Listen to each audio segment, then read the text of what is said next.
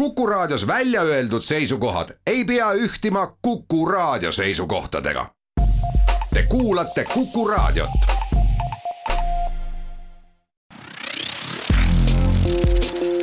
fookuses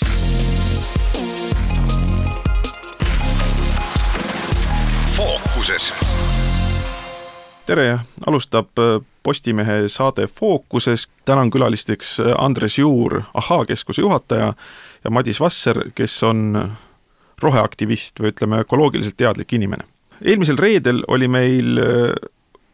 fookuses keskkonnateemad, mida siis Rein Kuresoo kureerib suurepäraselt ja üheks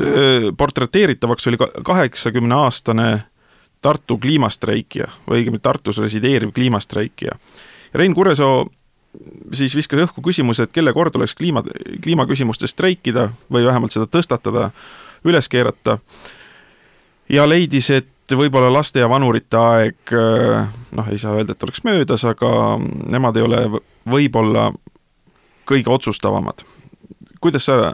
suhestud selle küsimuse püstitusega, Madis? jaa, tervist, ma ütleks, et tõesti Raekoja platsis ruumi veel on ja Tallinnas Toompea ees samuti. Et äh, lugesin ka mina seda uudislugu ja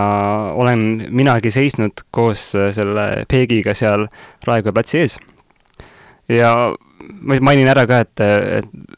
kui ma ei ole äh, stuudios, siis ma olen tavaliselt Eesti Rohelises Liikumises huvikaitse ekspert. et, et rakendan seal oma neid ökoloogilisi teadmisi. aga jah. kelle huvisid sa kaitsed? kõige õigem on vist öelda, et looduse huvisid, kes iseenda eest seista niisugustes äh, ametlikes bürokraatlikes protsessides hästi ei saa. siin ma jõuan kohe nagu huvitava küsimuseni, no kõrvalepõikena ütlen, et ma olen keskkonnaeetika õppejõud Maaülikoolis ja no õppekavas on keskkonnaeetika ja ma olen ikka seal esimesel kursusel öelnud, et keskkonnaeetika on surnult sündinud laps, sest äh, me sellel ajal, kui keskkonnaeetika leiutati, see oli alles seitsmekümnendatel, selleks ajaks oli juba piisavalt sel-, selge, et kui me puhtinstrumentaalselt loodusest ei hooli, siis on meiega krõska. et äh, meid, meil on vaja juba loodust hoida puhtalt egoistlikel enesesäilituslikel huvidel, et kas sa, kas sa esindad siis veel seda vana koolkonda, mis mis, mis näeb looduses ise väärtust ja kaitseb teda jaa, need kõik inimesed ei ole ära kadunud, et osad on ikkagi veel alles. kuigi tänapäeval on, on järjest keerulisem ja keerulisem seda teha. Ja no tulles tagasi siis selle põhiteema juurde, et et see on ka ilmselt see, mis, mis on paljude jaoks nagu imelik, et miks inimesed on plakatitega tänaval ja, ja ütlevad, et, et noh, et säästke loodust. et äh, olles ise ka seisnud seal Raekoja platsis, ma näen, et et need küsimused, millega inimesi, neid, neid äh, protestijaid seal pommitatakse, on ikka väga seinast seina, et sa pead olema väga osav majanduse seletamisel, äh,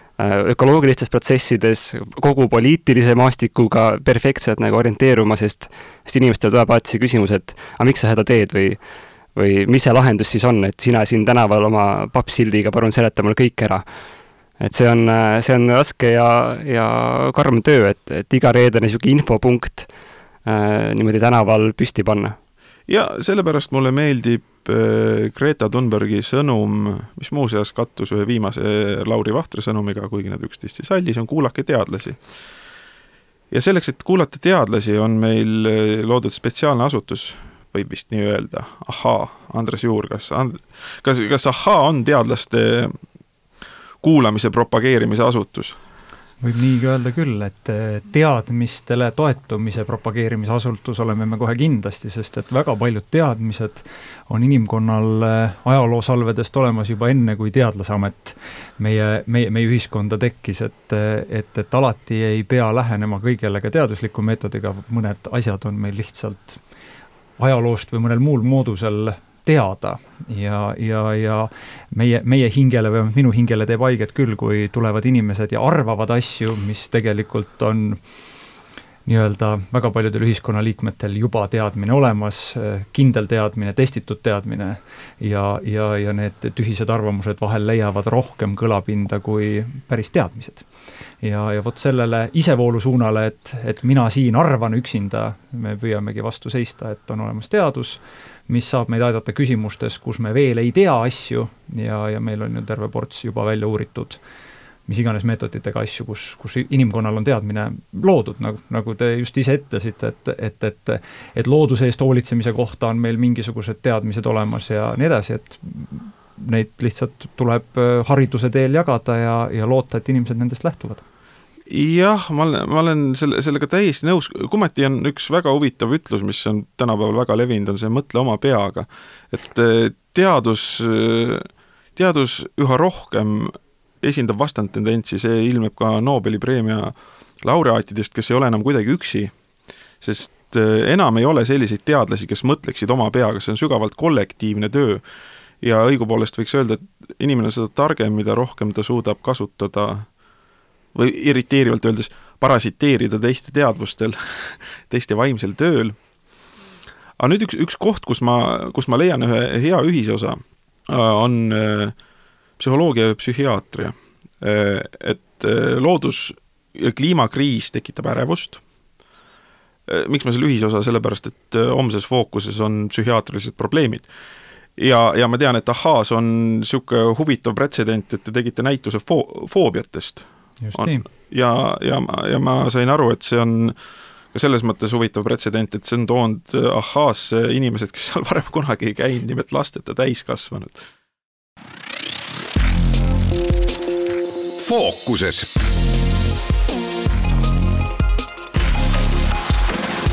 Fookuses. Kuidas te suhtute kliimahirmu, see on niisugune väga abstraktne ja mul on tunne, et foobiade vahel on niimoodi, et abstraktne hirm kinnistub mingile suhteliselt äh, sattumuslikule konkreetsele objektile, olgu see siis, ma ei tea, pimedus või ämblikud või et äh, ma, Madis, äh, kui ma õigesti mäletan, siis WHO-l oli see üks, üks tervise seitsmest peamisest kriteeriumist on elamisväärne olevik põhjendatud usuga elamisväärsele tulevikule. Kuidas meil selle elamisväärse tulevikuga on, kas ainus võimalus säilitada psühholoogiline tervis ja heaolu ehk usk äh, helgesse tulevikku on äh, rumalus et äh, ignorantsus on siis see õnnistus, jah. keskkonnaühendused näevad väga selgelt seda, et selline ärevus keskkonnateemadel, mitte ainult kliimateemadel, sest neid probleeme on tegelikult ju hunnik erinevaid. et see on tõusuteel ja see on osade inimeste jaoks vägagi halvav ja mida meie oleme vähemalt rohelises liikumises praegu plaaninud, on, on vaadata, et mida me saame ise selles osas teha, et et need inimesed, kes juba on selle ärevuse küüsi langenud, et neid äh, natukene abistada, aga siin on kohe küsimus, et okei okay,, aga kes see siis see sihtgrupp on, et kas need on need noored, kes äh, ärevalt käivad tänaval või tegelikult nemad on juba asjadest aru saanud, on juba leidnud nagu mingisuguse lahenduse oma peas ja võib-olla on nende vanemad hoopis need, kes tegelikult on äh, abi vajaksid. vaatab nüüd, mida mu laps räägib ja kuidas see, mida tema räägib, ei klapi selle tulevikuvisiooniga, mis minul on kogu aeg öeldud. et seal on hästi huvitav see, et, et see dünaamika erinevate generatsioonide vahel ka, et, et see, mida Greta Thunberg räägib äh, oma äh, lapselikus lihtsuses, on tegelikult, faktiliselt on kõik väga tõsi. lihtsalt äh, me näeme, kuidas siis lapsed reageerivad, mis on niisugune võib-olla võimestumine ja täiskasvanud reageerivad pigem noh, nagu ka seal äh, Peegi artiklis oli, et äh, tulevad vaidlema või, või ütlema, kuidas see kõik on vale. et, äh, et see ärevus on olemas ja mina ütlen, et sellest tuleb ennast nagu läbi töötada, mitte seda maha suruda. sest see ärevus on mitmes mõttes vägagi põhjendatav. et see on, see on adekvaatne, jah. jah jah, no ma Teaduskeskuse seisukohast vaatan, et ühest küljest on adekvaatne, teisest küljest see ärevus on see, mis äh, peatab äh, mõnes mõttes äh, inimeste nii-öelda haridusliku arengu ja, ja tihtipeale pannakse ärevas seisus aur kas oma seisukoha või, või, või, või ühekülgse toe, tõe tõestamisele äh,, mitte, mitte nii-öelda erinevate teadlaste seisukohtadega tutvumisele, sest et tõesti, kui me räägime siin kliimast või sellistest suurtest protsessidest, nagu meil praegune ka koroonakriis on, kus ei ole meil ainult ju tervishoiuline küsimus, vaid meil on väga noh, küll on turismisektor hädas, küll on noh, väga palju protsesse toimub selle taustal. ehk siis neid teadlasi ka, kes seda ühte sama probleemi peavad nii-öelda erinevatest vaatevinklitest äh, lahti arutama, on erinevaid ja tihtipeale need teadlased ei olegi kõiges samal meelel, sest et asi, mis võib aidata loodusel olla roheline, keerab majanduse tuksi ja vastupidi, ja see tõde on seal kuskil kuskil keskel. ja, ja, ja, ja selles mõttes selline nii-öelda ärevus äh, pigem pärsib lahenduste teket ja, ja eks ta on selles mõttes keeruline olukord kliima eest seismisel, et kuidas hoida probleemi fookuses, ühelt poolt, et me ei unustaks teda ära, ja teiselt poolt, et, et see nii-öelda usk ühte tõtte, et meil on ainult üks hästi lihtne lahendus sellele, et, et see ei saaks valdavaks, et äh, tihtipeale selliste asjade lahendused võivad olla väga keerulised leida ja, ja vajadagi, vajadagi väga vastandlike poolte koostööd, ehk siis et keegi, kes usub, et et fossiilkütus on jumalast ja keegi, kes usub, et ei, see on saatanast, peavad leidma ühise keele. ja see ei olegi lihtne. ja siin võib-olla nende keskkonnaküsimuste juures läheb see asi keerulisemaks veelgi, sest äh, kui need süsteemid on niivõrd keerulised, siis kogu tõde ongi väga raske või võimatu välja selgitada ja siis tuleb mängu selline vahva äh, põhimõte nagu ettevaatuse printsiip. et kui sa veel täpselt ei tea, näiteks kliimamuutuste puhul me täpselt ei tea, kuidas äh, ma ei tea, kaks kraadi maailmasüsteeme mõjutab, aga noh, me võime oletada, et pigem nagu halvas suunas, siis äh, isegi kui meil ei ole veel kogu teadmiste pagasid teaduslikult olemas, siis me peaks juba tegema samme, et kindlasti vältida seda olukorda et see on see, mis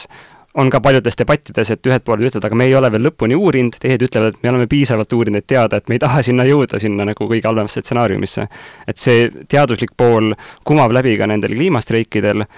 ja see ongi nagu kurioosne, et, et tuleb suvaline äh, tubli kodanik tänavalt, ütleb lastele, et minge tagasi kooli ja siis see laps suudab nagu vastu vuristada kõik viimased noh,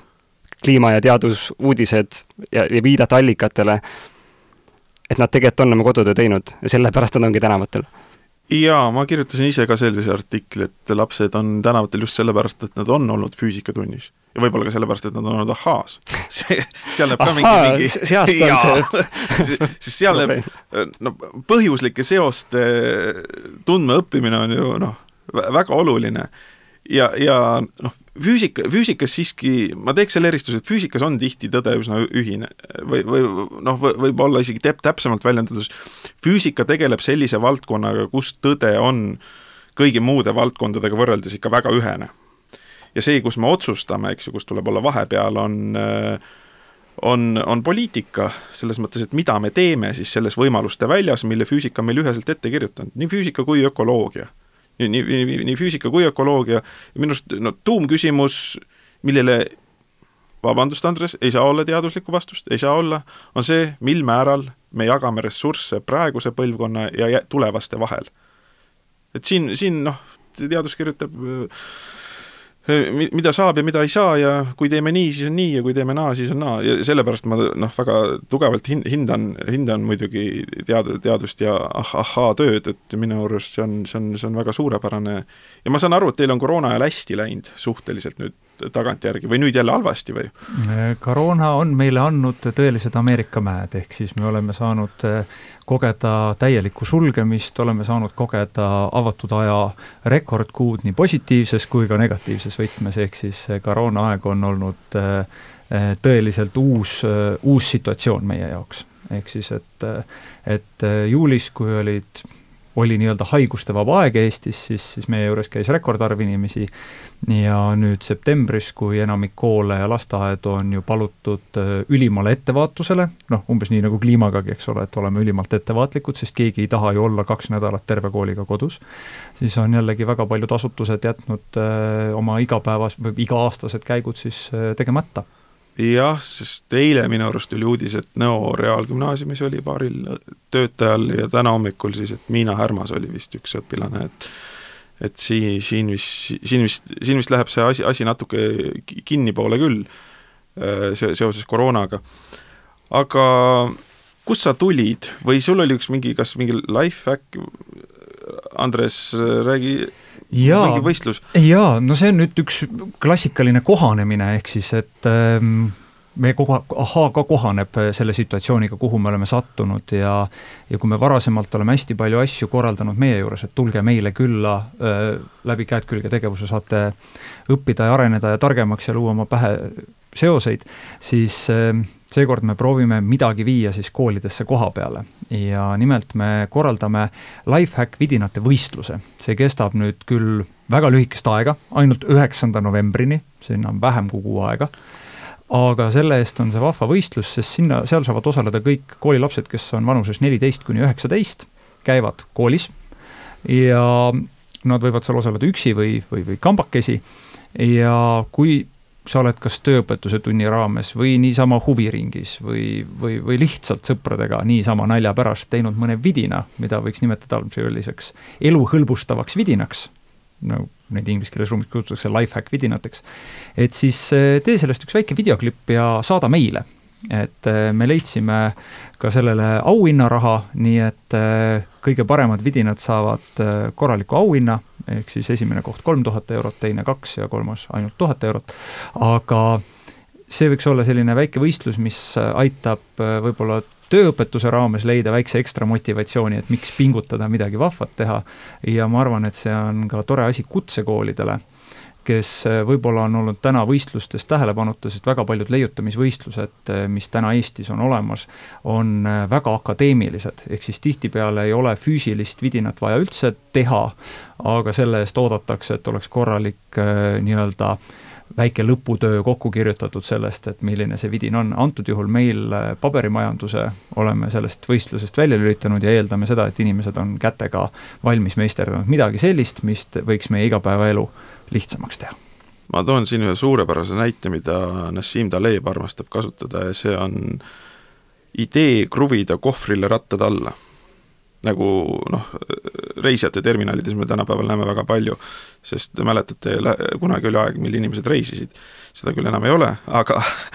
et leiutis, et kohvril on rattad all, on suurepärane leiutis. nii kui inimene näeb seda, saab aru, ohoo, tõepoolest suurepärane aga miks Taleb seda ka esile tõstab, on see, et inimesed lendasid kuule enne, kui tulid ide ideele panna kohvrile rattad alla. ja ta toob seda nii-öelda näitena inimest, inimese loovuse, loovuse haledusest. et niisugused äh, väiksed vidinad ja tõepoolest life hack on sisuliselt erinevate rataste kohvritele alla kruvimine, keegi turgatab niisugusele pöörasele ideele ja siis, siis teeb selle ära noh, ja kui mina juba siin olen, siis ma kasutan võimalust ja mõjutan neid osalejaid, et äh, mõelda siis ka laiemalt kogu selle teie leiutise elutsükli peale, et kust ta tuleb ja kuhu ta lõpuks välja jõuab, et äh, et kogemata ühe probleemi lahendamisega ei tekitaks kahte uut asemele, et äh, ma ei tea, kas see ratas, ratased, rattad ja kohvrid on äh, näide sellest, kuidas siis inimesed hakkasid tohutult reisima pärast seda või mitte, aga tegi lihtsamaks, aga selles mõttes küll, et äh, nikerdage neid asju prügist, võiks olla üks üleskutse. millega me läheme siit pausile, stuudios on Madis Vasser, roheaktivist ja Andres Juur, Ahhaa teaduskeskuse direktor. fookuses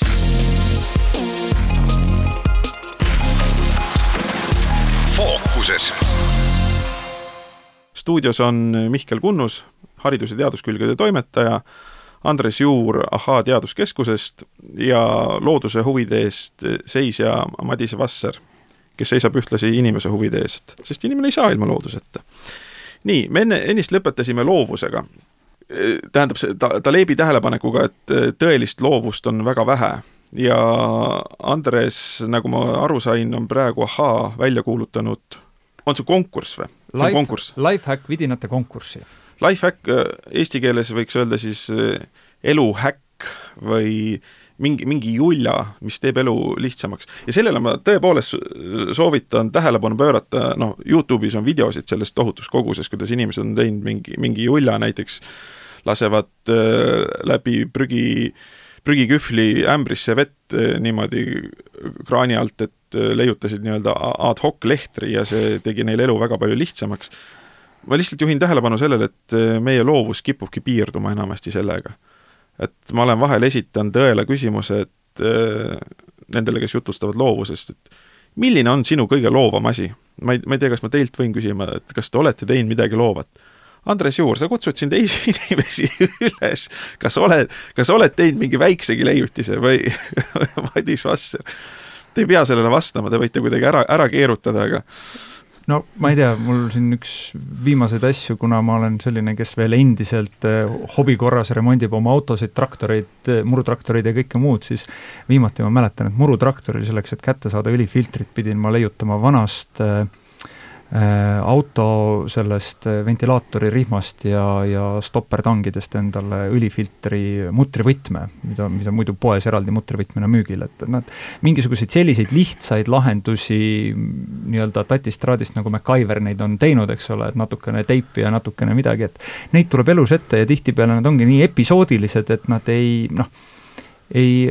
noh, sa ei registreeri neid ära, nad noh, kasutad sedasama prügikühvrit, saad oma ämbri täis ja sa ei tule selle pealegi, et et, et võib-olla oleks kellelgi veel sellest kasu. Ja, ja ma arvan, et see võistlus on hea koht, kus, kus sedalaadi enda tehtud äh, abimehi ka siis teistele näidata ja, ja, ja ma usun, et žürii tunneb need geniaalsemad ka selliste võib-olla lihtsakoeliste seast ära ja, ja, ja need saavad tähelepanu. Jah, see, see, see on, mul on väga hea meel, et sa MacGyveri nime tõid välja, sest minu arust tema on üks kõige innustavamaid äh, eluhäkkereid või juljade tegijaid. kliima teemal, Madis, oskad sa mõne niisuguse geniaalse leiutisi tuua? see ei pea olema autor, aga no ma kõigepealt mõtlesin lihtsalt üldiselt leiutuste teemal, et iga originaalne mõte on lihtsalt vähese lugemuse viga, et ega see ahaa-üritus tegelikult ju ka on ammu aastaid tagasi oli niisugune üritus nagu tudengileiutis, mis toimus tudengipäevade raames, kus ka mina osalesin oma äh, pulgast ja ühest keelest tehtud kitarriga, mis oli täiesti funktsionaalne, mille nimi oli Hull kepp ja see oli ka väga menukas seal. aga ei võitnud. ja kliimateemadel, mis need innovatsioonid siis praegu võivad olla, pigem siin Eestis äh, mulle meeldib öelda, et me hetkel ei kohane mitte kliimamuutustega, vaid kliimamuutuste teemalise poliitikaga. ja rohelises liikumis meie töötame tihedalt äh, põlevkivist väljumisega ja sellega, et see väljumisprotsess oleks inimeste jaoks talutav, õiglane. ja mulle tundub, et see on üks niisugune väga sotsiaalne innovatsioon, mida me siin Eestis oleme hakanud äh, juurutama, et kuna see protsess tegelikult peab hakkama toimuma väga mitmetes erinevates sektorites, et põlevkivi on täna niisugune nagu prooviharjutus, et seal on ülejäänud sektorid vaadates suhteliselt vähe inimesi tööl ja me saame sellega võib-olla hakkama aga see protsess ise, seda tuleb kaardistada ja seda tuleb katsetada, sest varsti, kui me hakkame rääkima metsandusest, siis me peame võib-olla hakkama raiemahte vähendama, tähendab, et metsameestel on vaja leida uusi töökohti, seal täpselt samad argumendid tulevad lihtsalt natuke teises valdkonnas. ja kuidas me seda lahendame, täna meil ei olegi selget arusaama, see on niisugune, tundub kõigi jaoks väga lahendamatu probleem, aga, aga me siis oleme hakanud omamoodi kuidagi panustama sinna, et, et leida see, leida see valem, see algoritm, millega saab nii keerulist sotsiaalset, majanduslikku, kultuurilist probleemi lahendada äh, erinevates sektorites, ma arvan, et see on kõige niisugusem käegakatsutavam, samas hästi ähmane leiutis. ja vot see on nüüd koht, kus ma näen tehnoloogilisel arengu või õigemini tehnohiidude vajadust roheaktivistide järgi. see seos on võib-olla natuke keerulisem, aga ma seletan sellele kohe lahti. nimelt äh, meie tööstusrevolutsioonid on ju teatavasti põhjustanud ajaloos erinevaid kriise, küll aurumasina leiutamine ja nii edasi ja nii edasi, ja praegu üks kriis, mida tehnoloogia valdkonnas äh, kardetakse, et tuleb suur sotsiaalne kriis, on ju tegelikult äh, see moment, kus äh, tehakse isesõitev veok, mis isejuhtiv. isejuhtiv veok, jah, mitte isesõitev, isejuhtiv veok, mis on majanduslikult juba mõistlikum, kui pidada autojuhti ja sellel hetkel, kui nii odav veok tuleb turule, siis on meil väga lühikese aja jooksul väga paljud veokijuhid töötud ja vot see võib tuua kaasa väga suuri sotsiaalseid probleeme. Ja selles mõttes see, mida praegu Madis just rääkis, et et kui meil on mingisugune näide, mille peal see läbi mängida, olgu see siis Kohtla-Järve kaevurid või, või, või mõni muu näide, siis see päästab meie ühiskonda sellistest järskudest noh, raputustest, mis, mis võivad meie ühiskonnale väga-väga haiget teha jah, see, see on hea näide. üks, mida ma siin ise olen toonud, on öö, hobuste asendamine sõiduautodega. see on mitmes mõttes suurepärane näide, sest üheksateistkümnenda sajandi lõpus tehti ilusad korralikud arvutused, näidati, et kui hobuste arvukus samamoodi kasvab, eks rahvaarv kasvab, siis linnad konkreetselt upuvad hobusesõnnikusse. Need see näide ja need ennustused, need koleennustused on välja otsitud selleks, et diskrediteerida hukuennustajaid tänapäevaseid hukuennustajaid, kes ütlevad, me upume CO2 sisse, aga siin ma tahaksin teha nagu kaks tähelepanekut, esiteks need kunagised ennustused tõepoolest luhtusid, aga mida nad tegid, esiteks, kui mõtleme seda, kas need hobused õppisid ümber ja läksid muulidele töökohtadele? ei, hobuste arv drastiliselt langes, hobuseid on meil väga palju vähem, need hobused muutusid konkreetselt ülearusteks. teine asi, hobused asendati autodega ja nüüd iroonilisel kombel me ei upu mitte hobusesõnnikusse, vaid autode sõnnikusse. see lükkas probleemi edasi. Harvesteride näide on ka hea näide, kui, kui sellest probleemi komplekssusest, sest noh, mida teeb Harvester? Harvester on super edukas, pööraselt edukas öö,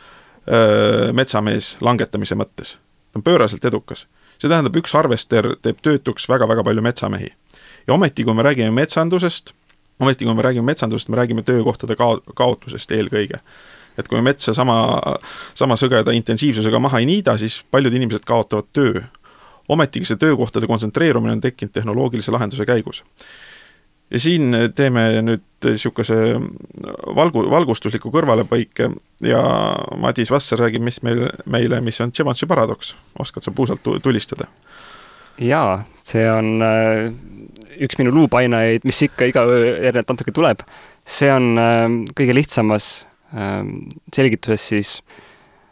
see fenomen, kui sa teed mingi protsessi efektiivsemaks, arvates, et nüüd sa säästad kõvasti energiat näiteks, siis selle tulemus on see, et seda uut protsessi sa teed palju rohkem, sest sulle tundub, et see on ju nii efektiivne, et sa lõpuks oled kasutanud rohkem energiat, kui sa varasemalt selle ebaefektiivse protsessiga kasutasid. hea näide on näiteks LED-valgustid, äh, muudad laes ühe pirni ümber LED-i peale, vaatad, et issand, kui vähe see elektrit võtab, paneks siis laua alla ka tuled. ja paneks külmkapi alla ka tuled. ühesõnaga, ja kui sa vaatad järgmise kuu elektriarvet, sa vaatad, et miks see elektriarve nüüd suurem on kui eelmine kuu, et ma ju tegin kõik efektiivseks. aga seal ongi niisugune mõtteviga, et, et kui sa ei piira seda üldist kasutust, siis, siis läheb oma teed, et seda on korduvalt-korduvalt näidatud ja, ja seda on korduvalt-korduvalt eiratud planeerides mingisuguseid tehnoloogilisi uuendusi ja sarnane paradoks, ma ei tea küll, kas sellele on nimi ka antud või mitte, on ka hariduses. nimelt äh, on üsnagi hästi teada, et riigi rikkus sõltub üsna või ühesõnaga, vähemasti on üsna üheselt korreleerub äh, insener-tehnilise haridustasemega riigis aga huvitaval kombel inimeste soov saada insener-tehnilist haridust käib kaasas jälle riigi vaesusega. ehk siis, et mida vaesem riik, seda rohkem inimesed annavad endale aru, et selleks, et siit vaesusest nüüd välja saada, on mul vaja õppida midagi insener-tehnilist. no midagi, mis aitab masinate abil siis vähe paremale eluoksale. ja kui riik on saanud rikkaks, siis on üsna ühene korrelatsioon sellega, et inimesed enam ei taha õppida äh, Äh, insener-tehnilisi alasid, tahaks rohkem laulda, luuletada, kunstidega tegeleda. nii et äh, seal on ka huvitav selline paradoks sees, et äh, et inimeste nii-öelda tehnoloogiline võimekus käib seda rada pidi, et kui sul on võimalused piiratud, sa tahad tehnoloogia abil neid avardada ja kui sul on võimekus käes, siis selle hoidmise nimel enam inimkond vaeva näha väga ei taha ja, ja siis mõeldaksegi igasuguseid äh, vahvaid asju välja, nagu noh, ka Teaduskeskus on üks selle, sellele nii-öelda loomulikule protsessile vastu seismise suund ja, ja, ja see on selle jaoks, et seda riiki, riiki ülal hoida, sest et on ju ajaloost ka teada neid olukordi, kus see on nii-öelda noh, nii-öelda inimesgeneratsioonide lõikes ongi see asi ujunud, et riik on olnud rikas, siis vahepeal jälle muutunud vaeseks, jälle rikkamaks. siin niisugune jätkuv tähelepanek oleks see, et kui see sinu kirjeldatud olukord on tekkinud, et äh, riik on rikas ja inimesed ei taha inseneriks õppida, siis riik hakkab panema raha inseneriõppesse, on ju, et seda populariseerida, jätab sotsiaalteadused võib-olla vähem toetatuks, mis on tegelikult see, mida on ka vaja, et selles keerulises tehnoloogilises maailmas nagu hakkama saada, et me täna näeme, kuidas demokraatiat juhivad, ongi lõpuks mingid sotsiaalmeediafirmad tihtilugu. et siis me ei ole valmis selleks, me ei, ei arvesta sellega oma, oma protsessides fookuses.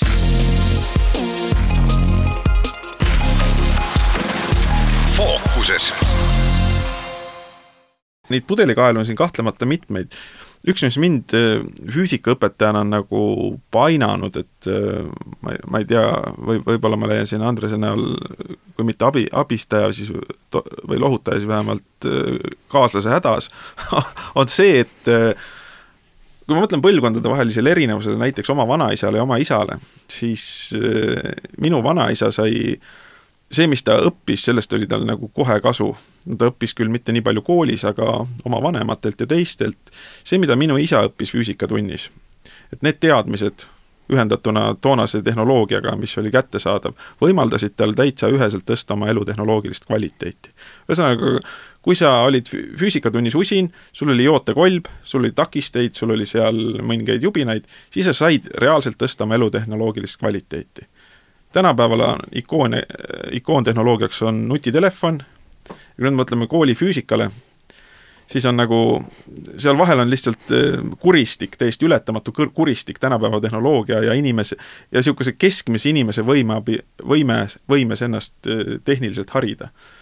kas sa oskad meid siin kuidagi lohutada, füüsikaõpetajaid? Ehm, ma ei oskagi midagi muud öelda, et äh, õnnistatud on need füüsikaõpetajad, kes õpetavad vaesemaid lapsi sest et eh, need perekonnad, kes sõidavad endiselt vanade ja poolkatkiste autodega, need, kellel võib-olla ei ole veel euroelektrisüsteeme kodus, nendel ikka juhtub seda, et auto laguneb ära ja keegi kuskil peab seda remontima, äkki saaks ise tehtud.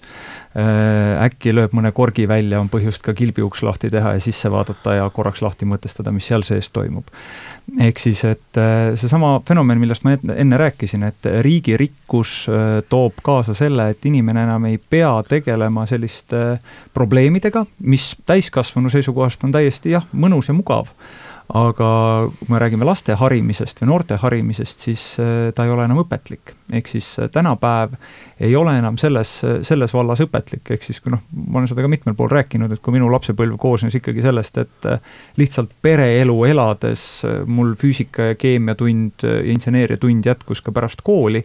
siis minu lastel äh, on seda nii palju, kui ma neid oma töö juurde töökotta kaasa võtan, sest et äh, ja see on ka võib-olla üks põhjuseid, miks ma veel kodus ise autosid remondin või vähemasti naisele saan põhjendada, et sellepärast ma teen seda siin, et näed, lapsed vähemalt näevad pealt ja küsivad aeg-ajalt mõne küsimuse, et mis see siin kapoti all on. sest enamik inimesi, kellel on uued autod, nad ei pea kaugemale mõtlema kui see, et liising oleks makstud ja ja, ja ongi kõik. ja mitte ainult autoremont, ka majaremont ka majaremont on maja minu arust, kui ise teha, siis no vähemalt mingi mehaanika no, abc saab kätte. mina võin proovida sind lohutada sellega, et ähm, olles siis, kuidas minu see tiitel oli, et rohemuretseja või usin rohemuretseja, siis sa võid võtta endale parema tiitli. vaadates ka, ei see sobib, et vaadates ka pikemalt ette äh, mingisuguseid trende või megatrende, et siis äh, ja kuulates tarkade inimeste arvamusi, siis paistab nagu, et elu paratamatult peab minema rohkem lokaalseks, globaalsest ja natukene lihtsamaks, sest lihtsam tehnoloogia on robustsem. Et kuna me täpselt ei tea nagu, mis ette lihtsam tehnoloogia on paindlikum, ta ei ole nii spetsiifiline. ja see, selle liht, lihttehnoloogia võlu siis, ma olen siis üritanud high-tech'i vastandit low-tech'i kuidagi esindada, et see lihttehnoloogia, selle võlu ongi selles, et see on inimmõõtmine, et sa saad, pead sellest aru saama. ja sa peaksid saama seda parandada ise või, või täiendada ise. et ma arvan, et äh, no ma juba näen, et niisugused liikumised on, äh, on äh, populaarsust kogumas, ma ise liigun sinna suunas, et, et selles vallas midagi rohkem teha. Ja selle käigus sa õp-, paratamatult õpidki täpselt neid baasfüüsikat, baaskeemiat, kuidas maailm tegelikult töötab. et see ei ole lihtsalt üks särav äh, ilus ekraan, mille seest noh, kõik tuleb nagu maagia sulle kätte. et tegelikult, kui need asjad lähevad suuremale skaalale äh,, siis sinna tuleb tagasi ka see arusaam, et mida sa teed täpselt. ja võib-olla kõige praktilisem lohutusmeede on see, et äh, füüsikaõpetajad ilmselt saavad seda endale lubada, võib-olla koostöös tööõpetusõpetajatega, et äh, tehke sellised äh, taskuraha kogumise tunnid. Ehk siis tänapäeval väga paljud koduseadmed lähevad katki ja kuna nende remontimine kuskil ametlikus kohas on üsna kallis, siis tihtipeale nad visatakse terves tükis minema, viiakse jäätmejaama.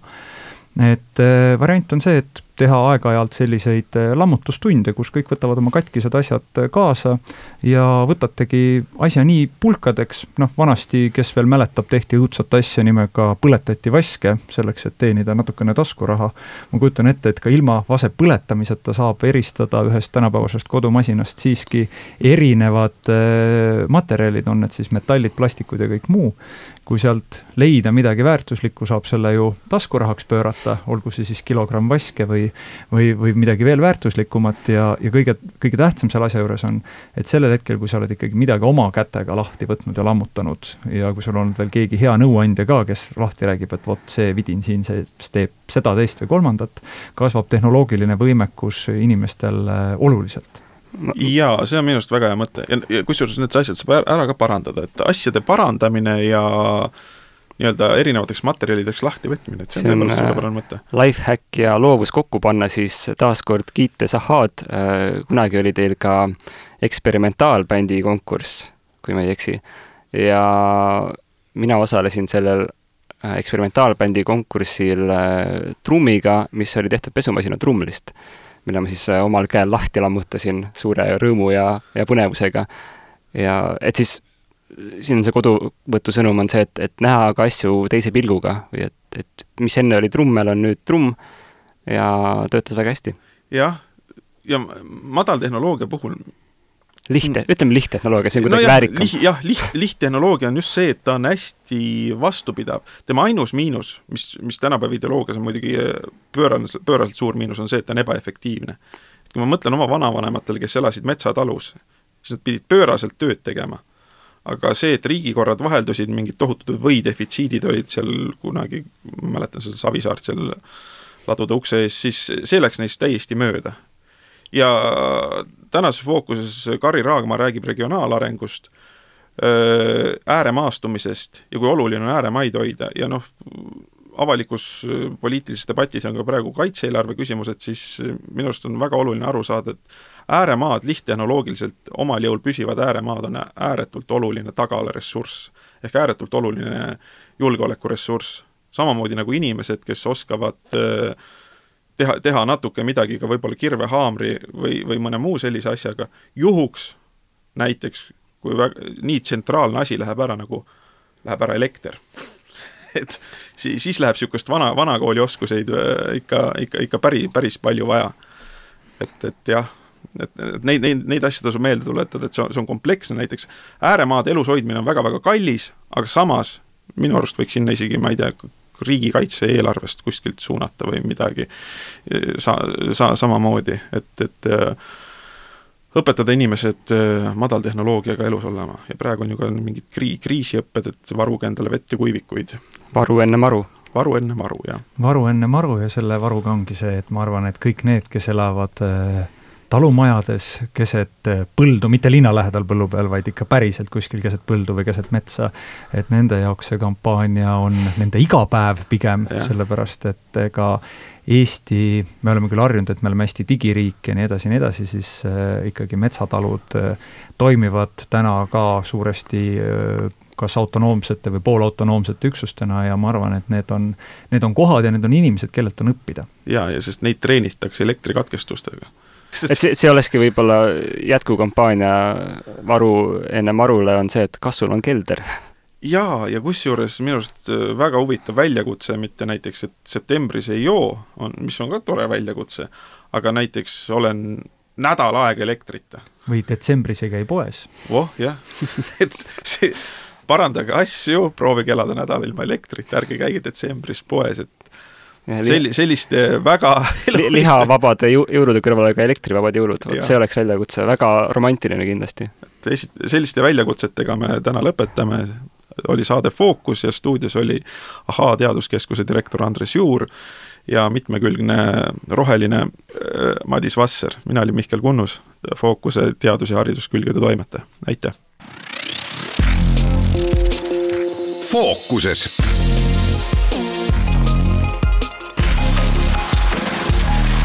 fookuses